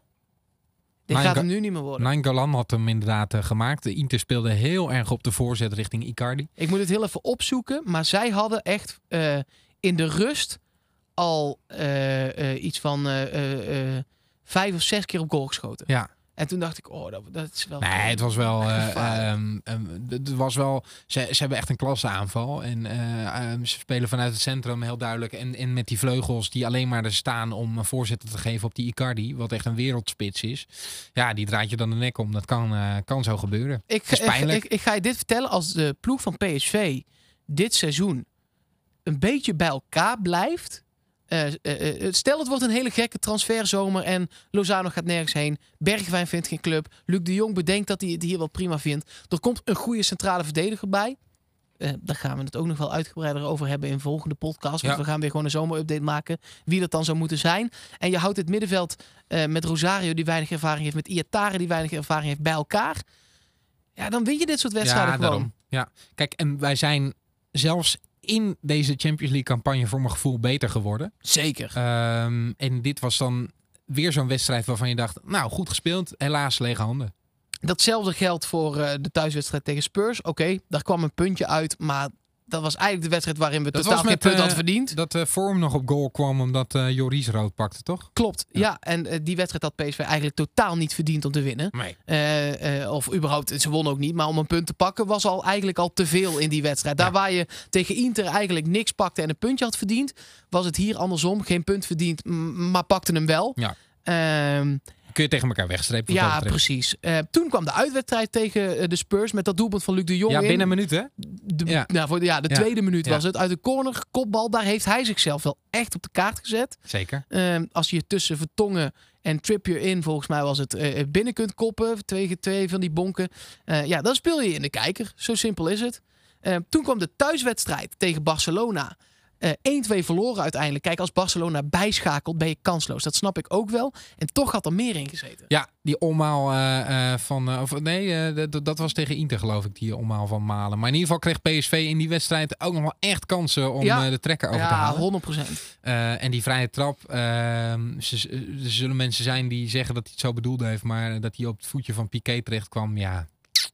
Het, het is allemaal net niet gelukt voor PSV, hè? Nee, nee. Ik denk niet dat ze anders wel door waren gegaan. Maar dan was Nee. Europa League misschien nog een mogelijkheid geweest. Nou ja, en dan had je misschien net even wat positiever gevoel nog eh, gehad. Het was nu echt wel te weinig eh, wat PSV kreeg. Klopt. Ehm, die laatste wedstrijd in december, daar heb ik eh, persoonlijk echt hele mooie herinneringen aan. In die wedstrijd in, in Milaan. Dat PSV daar eh, eh, een beetje de arrogantie van Inter afstrafte. Want eh, ja, PSV speelde daar een goede wedstrijd. eh, ehm, profiteerde van wanorde in de verdediging. Linksback Asamoah, die liet zich echt kaas van het brood eten. PSV kwam daar op eh, 0-1. Heel bizar. Daarna maakte Inter nog wel 1-1. Maar dat was niet genoeg voor hen om door te gaan in de Champions League. En daar hebben ze het nu nog steeds over. Ja, eigenlijk heeft, en dat is gewoon lekker om dat toch even... Kijk, PSV heeft er deels voor gezorgd dat Ajax niet de finale van de Champions League heeft gespeeld. Ik vond het allemaal leuk en aardig Ja. voor het Nederlands voetbal Ja. eh, dat Ajax zo ver kwam. Maar ik had niet ge- aangekund om dat de komende jaren aan te horen dat ze de finale hadden gehaald. Nou, En dat ze City gehad, joh. Dat weet ik ook niet of dat zo is. Of ze dan Laat de finale nou! hadden gehad. Ja, Laat me nou, omdat PSV gelijk speelde tegen Inter, ging Tottenham door in de Champions League en niet Inter. En Tottenham heeft Ajax eruit gegooid. Vind ik een lekker gevoel. Ja. Laat mij nou gewoon met dat lekkere gevoel. Tuurlijk Ja. is dat statistisch gezien onzin. Want er was er misschien wel iemand anders uit het balletje gekomen. Maar dat maakt niet uit. nee, Het is gewoon een lekker gevoel. zeker. Gelukkig maar. En, Ja. eh, maar ze hebben het dus nog steeds over eh, dat dat een van hun slechtste wedstrijden eh, is, is geweest. En Spalletti is ook eruit gegooid nu, omdat hij gewoon niet goed, goed genoeg gepresteerd heeft. Ik ben ervan overtuigd dat hij er wellicht nog had gezeten als zij de volgende ronde Champions League hadden gehaald. Nou ja, dat, lijkt me ook. Ehm, we kunnen nu twee dingen doen. We kunnen nu een knipje zetten. We zitten op de helft van het seizoen. We Ja. zitten op een uur. En dan eh, dat we over een paar dagen deel 2 keer plaatsen. Of we kunnen zeggen, ja, maakt het allemaal uit. We rammen die tweede seizoenshelft er gewoon achteraan. Ja, mensen willen het nu toch ook gewoon horen. Ja, dan gaan we gewoon door. Je Voor de mensen die eh, eh, op, eh, als antwoord op deze vraag hadden bedacht, knipje, Zet moet je pauze. nu even pauze zetten. Ja, dat is wel eigenlijk ook wel waar. Toch? Ja, dat is ook wel waar. Waarom zouden wij dat beslissen voor mensen? De- je kunt gewoon op pauze drukken. Dan gaan we verder met de laatste spelerslinie die we moeten behandelen. Dat zijn namelijk de aanvallers. Ja, Luc de Jong. Luc de Daar Jong, wil ik graag mee beginnen, omdat ik dat gewoon een ontzettende klasse. koning vind. Ja, echt. Maar ehm, hij heeft seizoenen gehad waarin hij nauwelijks scoorde. En dit seizoen eh, heeft hij het echt heel erg goed gedaan. Ehm, werd belangrijk gemaakt door eh, Van Bommel. Ook omdat die backs dus eh, ehm, in het systeem heel belangrijk werden. Er kwamen eindelijk voorzetten richting Luc de Jong. Van de buitenspelers kwamen er juist wat minder voorzetten. Al gaf Lozano hem af en toe wel heel mooi op zijn hoofd. Ehm, maar Luc de Jong heeft zich echt een waardig aanvoerder eh, getoond van dit PSV. Ja, ik vind top 10 bras nog altijd. Ja, dat is ook af en toe eh, geprobeerd. Maar dan mist hij gewoon de handelingssnelheid. En je wil gewoon dat Luc... Springt net te veel weg van zijn voeten. Ja, En, nee, maar je eh, wil gewoon dat Luc de Jong voor de goal staat bij een aanval. En als hij op 10 stond, hij, eh, met zijn werklust kan hij heel veel. Soms stond hij in de verdediging en dan deed hij het geweldig. Dus dat is allemaal prima. Maar als hij aan de bal komt, is het te weinig. En eh, dan komt er vervolgens een voorzet en staat Luc de Jong daar niet, omdat hij op 10 staat. Ja, nou eens. Eh, wel gewoon eh, eh, 44 wedstrijden in de selectie. Was er één keer niet bij. Eh 43 daarvan gespeeld. 38, 161 minuten Ja. gespeeld. Is na Jeroen Zoet eh, van de veldspelers is dat het eh, meest van allemaal. Angelino had één minuut minder ehm, dan hij. En eh, ja, dat is Klasse. hij. En gewoon altijd ervoor gaan Klasse. de aanvoerder. Eh, in interviews eh, eh, vind ik hem altijd saai, maar degelijk. Er werd ook nog wel gezegd eh, dat hij misschien niet had moeten spelen in de Champions League. eh, omdat het dan voorspelbaar werd en dat PSV meer op de counter had moeten spelen. Maar ik vind het echt onzin. En zeker Altijd opstellen. Zeker in die wedstrijden tegen Tottenham, eh, waarin hij tegen wereldverdedigers stond, heeft Luc de Jong laten zien dat hij echt van waarde is voor PSV. Dus die, die moet je gewoon altijd laten spelen. En dat zeg ik nu. En toen zei ik, misschien moeten we op snelheid gaan spelen. Maar toen zag ik hem spelen. Ja, En hij kan ook echt lekker boven zichzelf Ja, joh. uitstijgen. ja, ja, en dan heb je zo'n bijsluitende aanvaller of middenvelder. Dat kun je gewoon heel goed gebruiken bij PSV. Topseizoen, Luc de Jong. Niks, Absoluut. Helemaal niks mis mee. Eh, dan de buitenkanten. Ja, Ik, ik, eh, we hebben deze theorie eigenlijk nooit heel erg uitgebreid behandeld. Maar ehm, er eh, zijn wel cijfers die het uiteindelijk onderbouwen. Bergwijn en Lozano, dat zijn de twee eerste buitenspelers van PSV. Zouden die elkaar nou echt niet mogen? Want die hebben in de tweede helft amper een bal naar elkaar gespeeld. Maar ja, kan ook eh, komen omdat ze natuurlijk allebei op een flank staan. En Ja, maar in de eerste seizoen zelf was het echt het. het, het- ik, ik moet de cijfers er even bijzoeken hoor. Maar voor eh, eh, het negen of het tienvoudige. Oh ja? Ja. Oh, dat is wel opvallend. Ja, precies. Misschien ook omdat ze beter werden afgeschermd in het tweede seizoen zelf. Ze scoorden natuurlijk alle drie, de spitsen in de eerste seizoen zelf, ontzettend veel. Zou de topscorerstitel dan in hun hoofd zijn gaan zitten, bijvoorbeeld? Ja, voor hun twee niet toch? Want het was gewoon Luc de Jong die de topscorer zou worden. Ja, nou ja, misschien dan toch. Of waren ze te veel bezig met hun eigen vertrek? Ja. eh, en wilden ze daardoor zelf in de picture staan? En is dat daardoor in het tweede seizoen zelf wel echt minder gelukt? Ja, ik vind dat ze allebei echt eh, eh, veel minder gepresteerd hebben in de tweede seizoen zelf dan in de eerste. Dat zie je ook wel aan de goals. 60 goals voor in de eerste seizoen zelf. En maar 38 in de tweede. Dus dat is echt wel een verval, hè? Als Ja. je het zo bekijkt. Dat is gewoon 33% meer. Dat is gewoon 40% Ja, we maakten voor, eh, voor de winter maakten we 3,53 goals gemiddeld. Eh, eh, dus dat is afgerond Dat is ook vier wel goals. Bizar hoog. Zeker, dat is, daar hebben we ook al gezegd dat PSV daar boven zijn eigen stand leefde. Ehm, maar in de tweede seizoen zelf 2,23. Dat is afgerond 2. Ja. Dat is echt wel een verval, hè? ja, dat is gewoon een vol doelpunt, alleen al minder. Veel meer nog. Ja, Ja, meer Ja. dan één doelpunt Ja. minder. Ja. Dat is heel veel. Ja, eh, Ja. eh, misschien moet een van de twee gewoon überhaupt vertrekken om, om de hiërarchie even een een beetje, op peil te houden. Nou ja, Malen moet denk ik ook gaan spelen. Dat denk ik ook. En. Robben zou ik ook nog steeds heel fijn vinden. Ja, nog steeds niks over gehoord, hè? Nee, nee. Ehm, 10 juni nogmaals dat we dit opnemen. Dus eh, Malen die eh, was echt de vaste invaller dit eh, seizoen. Heeft aan het einde van het seizoen ook regelmatig in de basis gestaan. Dat Luc de Jong dan op 10 eh, kwam te spelen. Ja. Heeft ook een eh, een ontwikkeling doorgemaakt, Malen. Voor mijn gevoel is hij wat rustiger voor de goal geworden. Dat mag nog steeds wel veel en veel meer. Hij heeft een beetje die bergwijntrekjes af en toe. Dat hij te snel wil handelen. ja, Ehm, maar heeft wel alles in zich om heel ver te komen. Ehm, maar je hebt ook het gevoel dat hij nog meer had kunnen doen dit Ja. seizoen. zeker weten. Ehm voor Malen geldt overigens inderdaad wat jij net al zei. Dat hij toch nog best wel heel veel eh, eh, minuten heeft eh, weten te maken uiteindelijk. En datzelfde geldt eigenlijk voor, voor Gakpo. Ja. En die heeft nog meer gespeeld dan dat ik dacht uiteindelijk eigenlijk. Malen heeft eh 42 keer op het veld gestaan. Van eh, de 45 keer dat hij bij de selectie zat. elke wedstrijd in. Ja, daarvan is hij gewoon de inderdaad eerste, de, drie- eerste, de eerste invaller was altijd Malen. 33 keer kwam hij erin. Ja, dat is echt veel, hè? Ehm, en de- dan blijven er dus nog maar negen keer over. Ja. eh, dat hij in de basis startte, waarvan hij er vijf keer ook nog weer uit werd gehaald. Ja. Eh, voor Gakpo geldt het wel echt wat minder. Hoor. Die speelde 19 keer. Maar ook van die 19 keer kwam hij er 15 keer in. En is hij er vier keer uitgehaald. Dus die heeft geen één wedstrijd volledig afgemaakt. Nee, nee, nee. Nou ja, die ehm, denk ik dat hij nog niet klaar is voor eh, een basisseizoen bij PSV. Ehm, maar die gaat nu het traject Malen in. Ik denk dat dat de vaste invaller wordt eh, komend seizoen. Dan Ja, Malen. zeker. Of eh, Gakpo, sorry. Dan een aantal namen die we ook wel weer voor nu snel kunnen vergeten. Misschien in de toekomst. Nou, Goedmanson niet. Maar Pirou. één Ja. wedstrijd bij de selectie gezeten, niet gespeeld. Goedmanson, één wedstrijd bij de selectie gespeeld, niet gespeeld. Ehm Abu Kalal. Eh. Twee wedstrijden bij de selectie gespeeld. één keer elf minuten ingevallen. Ja. En dan is er één man die heeft wel negen keer bij de selectie gezeten. Twee keer gespeeld. 20 minuten in totaal. En ik wil zijn naam eigenlijk niet noemen. Wij hebben eh, hier altijd een beetje discussie over. Hè? Want eh, jij hebt er nog heel erg vertrouwen in dat dit allemaal goed gaat komen. Heb je dat Ja. ook nog steeds als die wordt verhuurd naar zijn thuisland? Nee, Moet PSV dat doen? Nee. Het gaat over Maxi Romero. zeker. Ehm, Ik wil hem graag in de buurt hebben, want ik heb op zijn Instagram gezien wat hij doet als hij eh, eh, in zijn thuisstad is.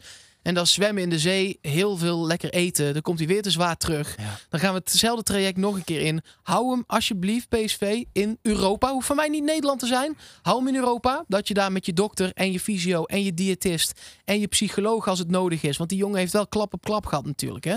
Ja. Eh, kun je daar gewoon met twee uurtjes vliegen bij zijn. Eh, als je naar Veles moet, want daar eh, eh, eh, zou hij dan spelen. Dan ben je twee dagen onderweg voordat je er bent. Dan kan hij zichzelf al weer helemaal twee keer van de wereld hebben gezogen. Maar welke ehm, Europese club zou het nu in zijn hoofd halen om deze jongen binnen te halen? Tweede Bundesliga, keukenkampioens ja, maar dat kan hij bij ons ook keukenkampioen divisie spelen. Ja, nee, maar dat mag voor mij ook. ja.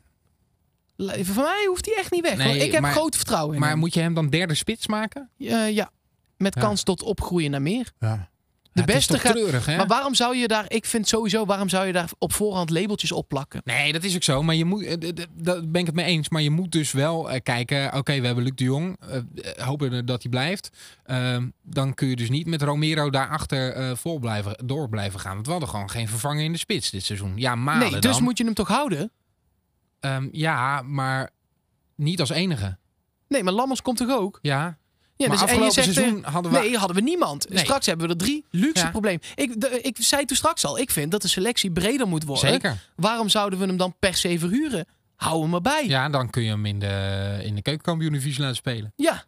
Ja, laten we dat maar en, doen. En eh, eh, eh, eh, eh, gewoon niet verhuren. Nee. Dan zou ik misschien eerder nog Lammers nog een jaar verhuren, maar dan een treetje hoger dan Herenveen. Maar die zou ik er ook bij houden. Ik zou gewoon tegen Luc de Jong en Lammers en Romero zeggen: jullie zijn alle drie spits. Zoek het maar uit. Succes, de beste speelt. Absoluut. Ja, eens. En als dat Luc de Jong is, Ja. is dat Luc de Jong. En als eh, eh, Romero uiteindelijk op trainingen en oefenwedstrijden en jong PSV-wedstrijden blijkt beter te zijn dan Lammers, zure voor Lammers. We zijn nog niet heel uitgebreid ingegaan op eh, Bergwijn en Lozano. Behalve dan dat ze de ballen niet echt naar elkaar overspeelden. Nee, Ehm, die gaan allebei weg ook. Bergwijn heeft zich weer verder ontwikkeld afgelopen seizoen. Heeft een goed seizoen gespeeld. Heeft Hoop, zich in de kijker gespeeld. zeker tegen Engeland de afgelopen week in de Nations League. Goed gedaan. Ja. Ehm, Ja, en Lozano, ehm, daarvan vond ik het best wel eh, bijzonder dat PSV hem wist te behouden na dat WK. Waar hij ook eh, scoorde tegen Duitsland. Ja, er werd flink aan hem eh, getrokken. PSV nu- verlengde met hem. ja, en nu is hij geblesseerd uit een matig seizoen eind gekomen. Maar ik vond sowieso dat hij best wel een tegenvallend seizoen speelde. Je hebt gewoon steeds het gevoel gehad, daar zat meer in. Klopt. Eigenlijk is hij één keer heel erg beslissend geweest. En dat was die wedstrijd tegen VVV. Ja, nee, ja, he- helemaal mee eens. Maar ook hij is pas 23. Ik weet dat dat tegenwoordig wordt gezien alsof dat heel oud is. Eh, maar laten we nu alsjeblieft voetballers eens behoeden weer om snel per se weg te moeten. Eh, kijk naar Gini. Nee, maar Kijk naar... Maar de- de- de- klopt, klopt. Die, die, die gaat dus gewoon... hij moet ook zo'n soort stap gaan eh, maken, Ja. mocht hij gaan. Ga alsjeblieft, als Lozano nu naar Barcelona gaat, heeft het geen zin. Nee, maar ik had toch het gevoel na dat WK... ehm, als die gaat spelen, wordt het weer geloosd bij PSV. En dat was het niet. Nee. En ook in eh, de Europese wedstrijden was hij niet iemand die er heel erg bovenuit eh, stak. Dus, hij en heeft dat ook dubbele dekking, hè? Ja, zeker. Continu. Dat is ook zo. Eh, er wordt op hem gelet. Als je in het buitenland komt, is hij de eerste die, men- die mensen noemen. Want hij is beroemd en berucht. M- maar het is er niet helemaal uitgekomen afgelopen seizoen. Nee, ehm, we hebben deze vraag al wel vaker aan elkaar gesteld. Maar nu is het seizoen echt klaar. Nogmaals, 10 juni nemen we dit op. Het seizoen zit er net op. Nations League is afgelopen. Over 2,5 week begint de voorbereiding. En begin juli zijn de belangrijke wedstrijden alweer. Dat is over een maand. Maar over een maand. Ja. Als er maar één van de twee zou gaan. Bergwijn of Lozano. Wie gaat er dan nu? Nou, ik denk dat als ik een buitenlandse club was, dat ik liever, liever Bergwijn zou nemen. Ik denk Lozano. De- zou je liever Lozano nemen? Eh, ja, ook met commerciële overwegingen. Ja, oké.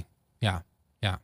En Eerlijk is eerlijk. iets meer eh, op lange termijn. Voetbal ook, eh, Bergwijn? ja. ja, en dat denk ik ook dat daar het, eh, het, het, het plafond nog iets hoger van ligt van, van Bergwijn. Ja. Maar En gaat hij dan naar het binnenland of gaat hij naar het buitenland? Nee, we gaan daar niet over hebben. nee, nee. Hij gaat naar het buitenland. Ja, zeker. Ehm, nou, top. Dan hebben we de aanvallers gehad. En dan moeten we, we hebben het lang genoeg gerekt, helaas gaan hebben over die tweede seizoenshelft.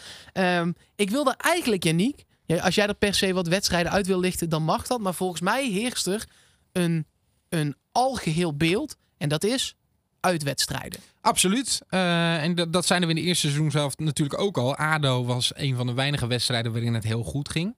Ehm, maar ook daar was het vaak hakken over de sloot. En won PSV in de eerste seizoen zelf die wedstrijden wel. In de tweede seizoen zelf lukt dat dan niet. Nee, eh Emmen 2-2, Utrecht 2-2, Heerenveen 2-2 waren de eerste drie uitwedstrijden ehm, van de tweede seizoenshelft. En PSV kreeg gewoon heel veel doelpunten tegen. Gebeurde eigenlijk in eh, Emmen op een hele domme manier. PSV had een, een veilige voorsprong. Toen kwam er een lange spits in en die konden we ineens niet verdedigen. Ja, maar ook met een hele gekke standaard situatie waarin je gewoon eh, je man in de gaten kan houden. op maar een hij, vaag half kunstgrasveld. hij eh, liep uit de rug van iedereen weg. Dat is een ingevallen kopsterke aanvaller. Die moet je dekken. Ja, Toch? ongelooflijk. Ja, Ehm, zit daar. Ik zat laatst te denken. Ehm, je ziet tegenwoordig hè, vaak de keeperstrainer of de assistent met een, een flip over staan. Met jij moet nu die dekken nu het zo is geworden. Jij moet nu die dekken. Heeft het daaraan ontbroken bij PSV. Nou, we hebben ook nog wel briefjes in kousen gezien waarbij mensen andere mensen Ja moesten maar, dekken. ja, maar in deze, is dat hierna ontstaan of was dat hiervoor al? Nou, dat is interessant. Ik denk daarna. Want Ja. dat was volgens mij na Koeman ook. Ja, precies. Ja, misschien dat ze daar wel een eye-opener hebben gehad. Zo van shit, blijkbaar kunnen de spelers dat op dit moment nog Het is niet toch erg eigenlijk als dat zo is? zelf oplossen. Ja. Nou ja, maar dat is dan gebleken. Daarna is zulke domme nederlagen als in in de laatste minuut een lange spits die uit iemand, niemand die hem dekt, dat is niet meer gebeurd daarna. Ik was echt onwijs zuur na die wedstrijd tegen Emmen. En toen eh, liet Ajax gelukkig op die dag ook punten liggen tegen Heerenveen. Ja. Eh, dus dat verzachtte de pijn een beetje. Ehm, ik had ook heel lang het gevoel dat dat eh, een cruciale wedstrijd is geweest in eh, eh, het mislopen van de titel. Achteraf denk ik, eh, je hebt ieder seizoen wel zo'n wedstrijd waarin je heel erg ondermaats presteert. Dat was vorig seizoen eh, de wedstrijd tegen Willem II uit, waar we 5-0 eraf gingen. Je kan een keer tegen zo'n hele gekke nederlaag of heel gek puntverlies in dit geval aanlopen. Ja, Maar het ge- gebeurde gewoon veel te veel. Nee, ja, de- deze was heel erg, omdat het met alle respect moet je er dan altijd bij zeggen tegen Emmen is. Ja. Eh, maar ik vond die reeks daarna 2-2, 2-2, 1-1 tegen Feyenoord. Eh, die 2-2 was dus Utrecht en Heerenveen uit en daarna thuis Feyenoord 1-1. Die vond ik heel erg, omdat het in alle drie de gevallen echt niet had gehoeven. Zeker tegen Heerenveen en Utrecht niet. Eh, het was, gewoon, het was gewoon zwak spel. Die Utrecht hadden we ook eh, acht punten, eh, hadden we op acht punten kunnen komen. Ja, nee, ja, vertel mij wat. Ja. Ja. Ja. Toen dachten we nog, nou, wij spelen gelijk, dan verliest Ajax en dan is het allemaal Hosanna. Ja. En het, daarna klats je gewoon nog twee gelijke spelen erop en zitten zij weer in de race. Ja. Verschrikkelijk. Nou ja, we hebben nog van Excelsior gewonnen en, eh, en van NAC eh, Ja. twee keer 2-0. En de VVV uit was ook echt hakken over de sloot met Dumfries die nog een bal van de lijn haalde in de koel. Nee, ja, ik, weet- ik weet het. Ik, ik, ik, ik zie nu de uitslagen, ik zie het lijstje weer en ik, Ja. ik krijg de beelden ook weer terug. Want hierna komt die wedstrijd tegen Ajax en ik zat er in de arena en dat is misschien wel... Nou, op voorhand had ik echt eh, een gegarandeerde overwinning voor Ajax ingevuld. Zeker als ik ze in de Champions League had eh, gezien. We waren zo dichtbij en niet. Ja, we hadden gewoon kunnen winnen. We waren zo dichtbij. Zo. Na die 1-1 van Luc de Jong en die Ja, rode joh. kaart van Ajax. Het was gewoon een belegering Eh. van de goal van, van Ajax. Daar Ik- had PSV de trekker over moeten halen. Ik dacht echt in het stadion, we gaan hem nog pakken. Helaas dachten de spelers dat ook. En toch is dat cruciaal geweest. 100% zeker. Daar is het gewoon misgegaan. In Ja. het rechtstreekse duel met Ajax. Als de VAR niet had bestaan... Ja, Nee, nee, nee. Dat is, eh, dat is eh, gelukkig eh, bestaat. fla- Daar ben ik echt blij mee. Nee, zeker. Ja. Ik ook. Flauwekul. Maar ja, die overtreding van Schwab, die had niet gehoeven. En dat het dan ook 3-1 wordt, daar heb ik dan... da- Ja. daar kan, we zijn met z'n allen aan het aanvallen om weer een punt te pakken. Dat, Gelukkig dat, maar. dat is prima. Maar die 2-1 had niet hoeven vallen. Dat had 1-2 moeten zijn. Hebben we kans voor gehad. Viergever, Pereiro, eh, Bergwijn, Luc de Jong. Kansen genoeg gehad daar in de arena om die 1-2 te maken. Bergwijn één op één met de keeper in het Ja, hè. ja. eh, viergever, bal op zijn knieën Ja. op, op twee meter Ja. van de goal. Ongelooflijk dat we, die, eh, dat we daar niet meer uit hebben gehaald. Verschrikkelijk. Ehm, daarna recht PSV dan de rug eh, tegen PEC 4-0. En dan komt nog een enorme klap. Vitesse uit. Toen begon ik de titel echt uit mijn hoofd te zetten. Ja, Die 3-3. Ehm, toen begon ik te rekenen van, goh, hoe gaat het dan op die laatste speeldag? En eh doelsaldo dit, doelsaldo dat. Want daar zou het dan op aankomen. Maar dat dat is gebeurd, eh, dat is natuurlijk ook schrijnend. 3-3 tegen Vitesse. Ongelooflijk. Ja, ja. Ja, En we mogen nog eh, geluk hebben dat het 3-3 werd. klopt. Want PSV kwam meerdere keren op achterstand in die wedstrijd. En dat was nog een wedstrijd ook vervuld met VAR. Eh, penalties, Ja. geen penalties. Dat was allemaal nog redelijk discutabel ook.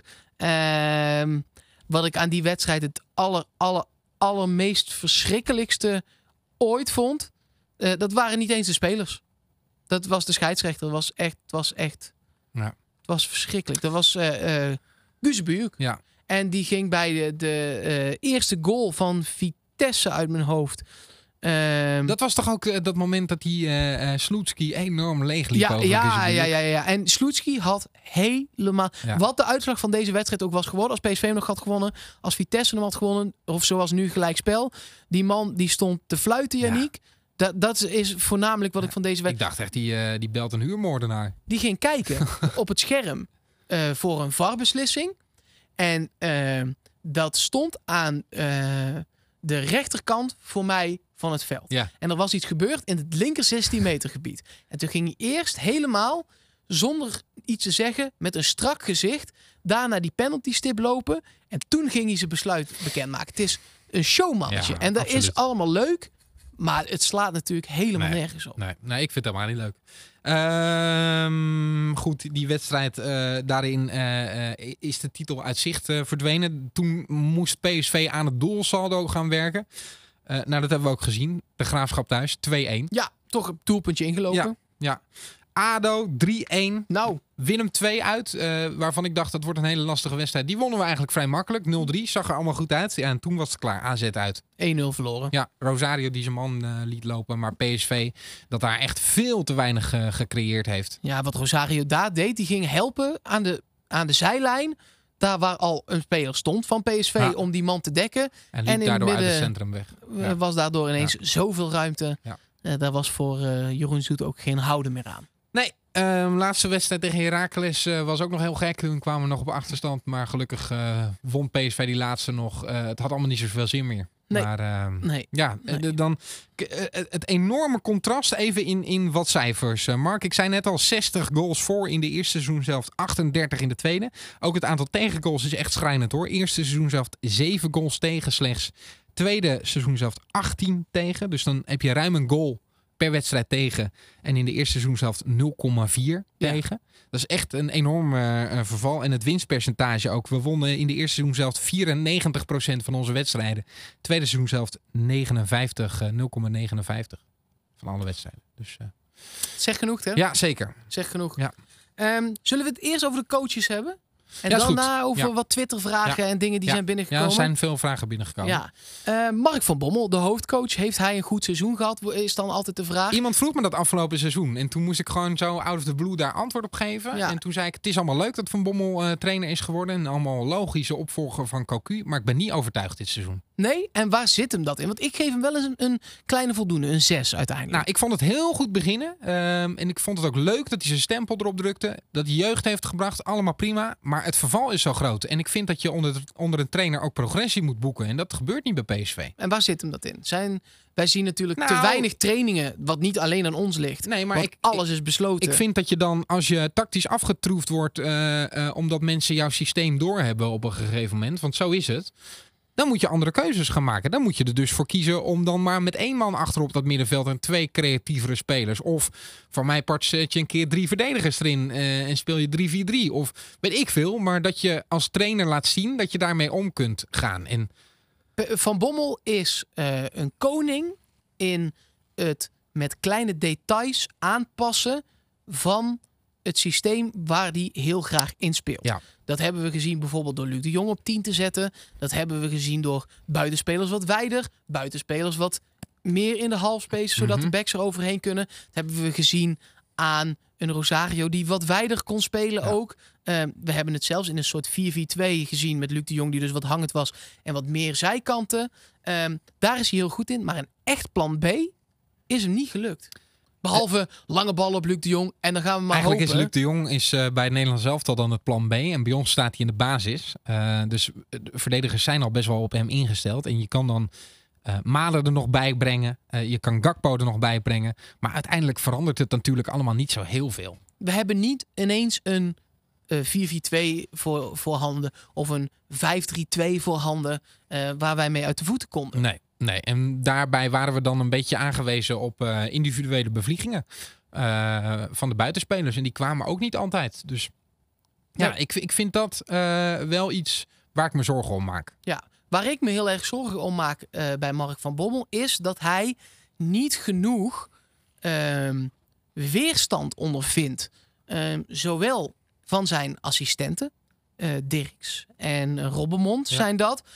maar ook, en ik hoop dat dat deze zomer anders gaat zijn, eh, van bijvoorbeeld eh, De Jong. Eh, niet aanvoerder De Jong. Misschien Nee, dat die John nog de Jong. John de Jong. Eh, want daardoor hebben wij wel Behic, die er geen kloot van kan. En Sainsbury, die niet heeft weten overtuigen. Nee. Hij moet niet ook de technisch directeur gaan zijn. Nee, dat is zo. Hij heeft ook ervoor gezorgd dat eh, we eh, minder kunstgras hebben op eh, de hertgang. Dat Dus is allemaal prima. hij is overal is hij bezig. Hè? Hij wil dat de warming-up muziek anders is geworden. Dat is Guns N' Roses geworden. Dus hij probeert overal wel zijn stempel te drukken. En dat was aan het begin van het seizoen heel leuk.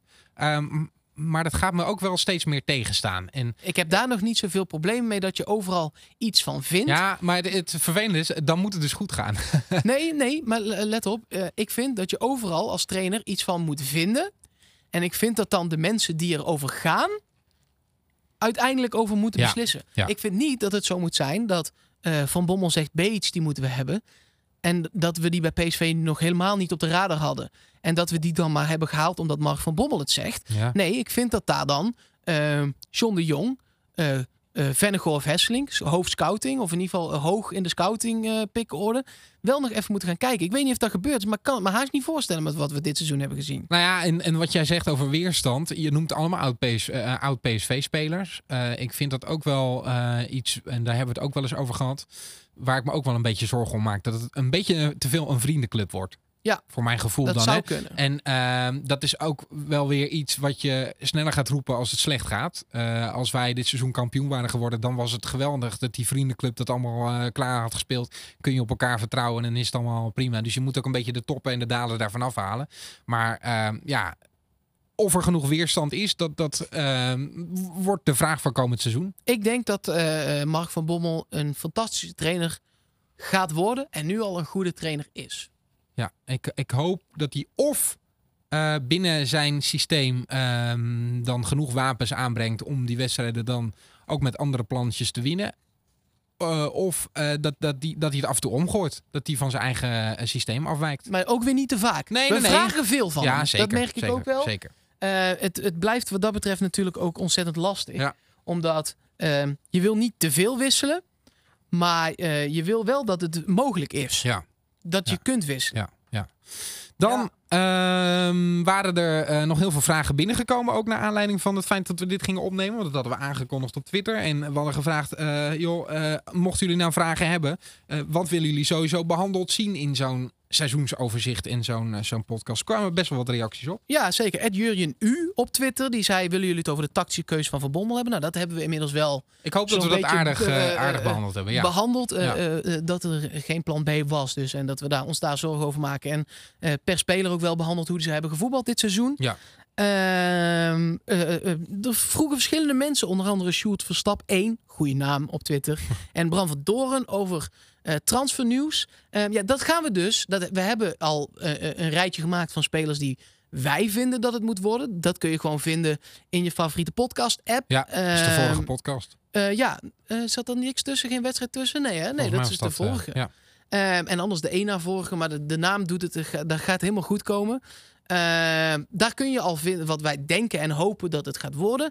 En zodra het transfercircus op gang gaat komen, dan zijn we er gewoon weer met de PSV-podcast Zomerupdate. Dat is een dagelijkse update van, nou ja, hoe, hoe lang het dan duurt. Maar eh, rond de 10 minuten eh, met van alles ehm, rondom PSV, wat er speelt aan nieuws, aan geruchten. Met ook een aantal mensen die dat dan voor ons gaan analyseren. Ehm, of die spelers überhaupt bij PSV passen. ehm, enzovoort, enzovoort. Dus Gaan we doen. Dat gaan we doen. Niet in deze podcast, Nee. maar er eh, komen dus gewoon dagelijkse updates Ja. van weer deze zomer. Dan heeft Esselin Jonk, eh Ed Esselin Jonk heeft eh, nog gevraagd of het goed is dat PSV zoveel jeugd heeft ingepast dit seizoen. Ehm, ik denk eigenlijk van wel. Ehm, want eh, ja, aan Malen, Iataren gaan we heel veel hebben komende jaren bij PSV. Rosario is basisspeler geworden, heeft dat goed gedaan. Ehm, Wat, bedoel, wat is jeugd? Dumfries is ook heel jong. ja, maar dat is geen, is ook geen heel jong. jeugd. Dat is geen Echt jeugd. mensen die uit de eigen jeugd Ja. zijn gekomen. Ja. Dus Gakpo, Iataren, Ja. Abu Kalal. Zelfs bij Malen kun je je afvragen of dat dan eigen jeugd is. Die is wel ingepast vanuit jong PSV. Ja. Laten we die meenemen. Eh, ik denk ook dat we daar in de toekomst heel veel aan gaan hebben. We hebben heel lang geklaagd dat Cocu dat nooit deed. Ehm, Van Bommel deed het heel veel. heel veel. Daar is hij ook de man voor. eh, om mensen de kans te geven. Als je het goed doet, dan sta je er- erin.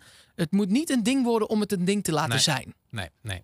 Af en toe had ik het idee dat, eh, dat het middenveld dan te jong was. Eh, en jij had daar niet zo'n eh, probleem mee, hè? Als we met Sadilek, Rosario en Iataren gingen Ja, spelen. ik had wel een probleem met hoe ze toen speelden. Ja, absoluut. maar niet op voorhand. maar op voorhand heb ik daar geen probleem mee. Nee, nee, ik had het idee soms dat het een beetje doorschoot. Ehm, maar goed, als ze goed genoeg waren geweest, dan was het geen enkel probleem geweest. Absoluut. Nee. Ehm, dus ja, misschien iets te veel. Maar daar gaan we ook wel weer heel veel aan hebben. Ehm, dan was er nog een vraag van Ed Keza. En eh, die vroeg: wat vonden wij het afgelopen seizoen nou de ideale opstelling? En ik vind dat zo'n lastige vraag. Want welke rekenmethode gebruik je daarbij? Gebruik je daarbij de rekenmethode dat iedereen in zijn beste vorm is? Ja, wanneer in het seizoen? Wanneer, ja, precies. Want eh, voor de winterstop had ik hem zo kunnen invullen voor je hoor. Ja, zoals hij stond. En eh, de laatste wedstrijd tegen Heracles en tegen AZ, ik had geen idee meer. Nee, Dus ja, ehm, je, kunt het redelijk invullen hoor. Want eh, eh, de doelman en eh, de verdediging en de aanval, dat stond allemaal wel. Het gaat met name om dat middenveld. ja. Ja, ik had graag Thomas gezien. Ja. En eh, Nou, dat is niet gelukt. nee, kijk, want als je het mij voor het seizoen zou hebben gevraagd... eh, en ook nog halverwege het seizoen en ook nog wel op drie kwart van het seizoen...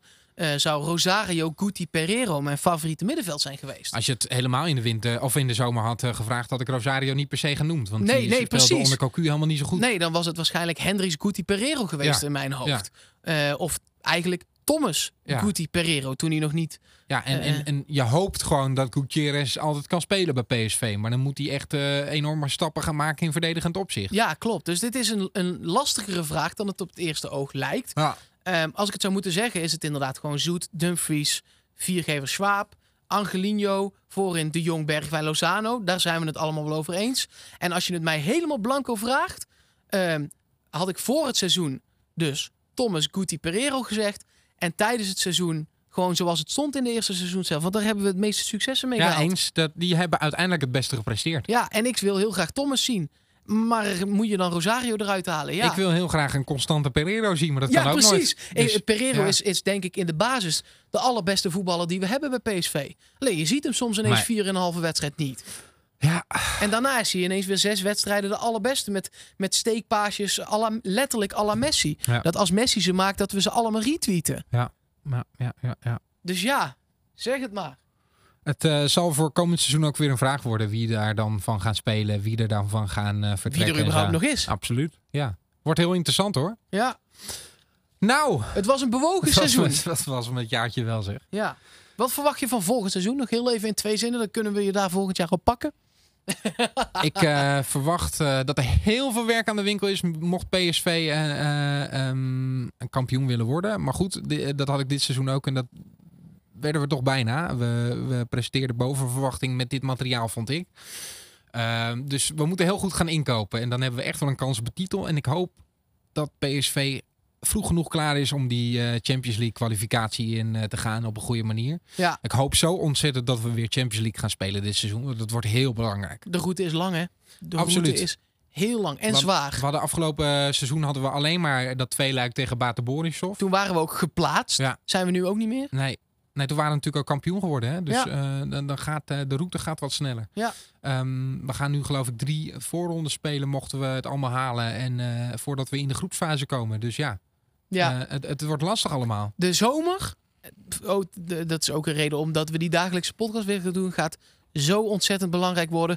Wie er komt, maar vooral ook wie er wel gaat. Want voordat er iets komt, moet er geld binnenkomen. Ja. Ondanks dat we een nieuwe sponsor hebben, ehm, die echt wel wat in het laadje brengt, eh, zijn dat niet de, de 30 miljoens en de 40 miljoens die Real Madrid voor shirt sponsors, eh, weet ik veel. Die, maar PSV pakt 5, 6, 7, 8 miljoen denk ik Ja, voor, ja, ja, zoiets. voor de shirt Richting de tien. Ja. Ja, uiteindelijk als dat zich kan uitbreiden met nog meer Brainport bedrijven, kan dat richting de 10, maar daar zit het nu echt nog niet op. Nee.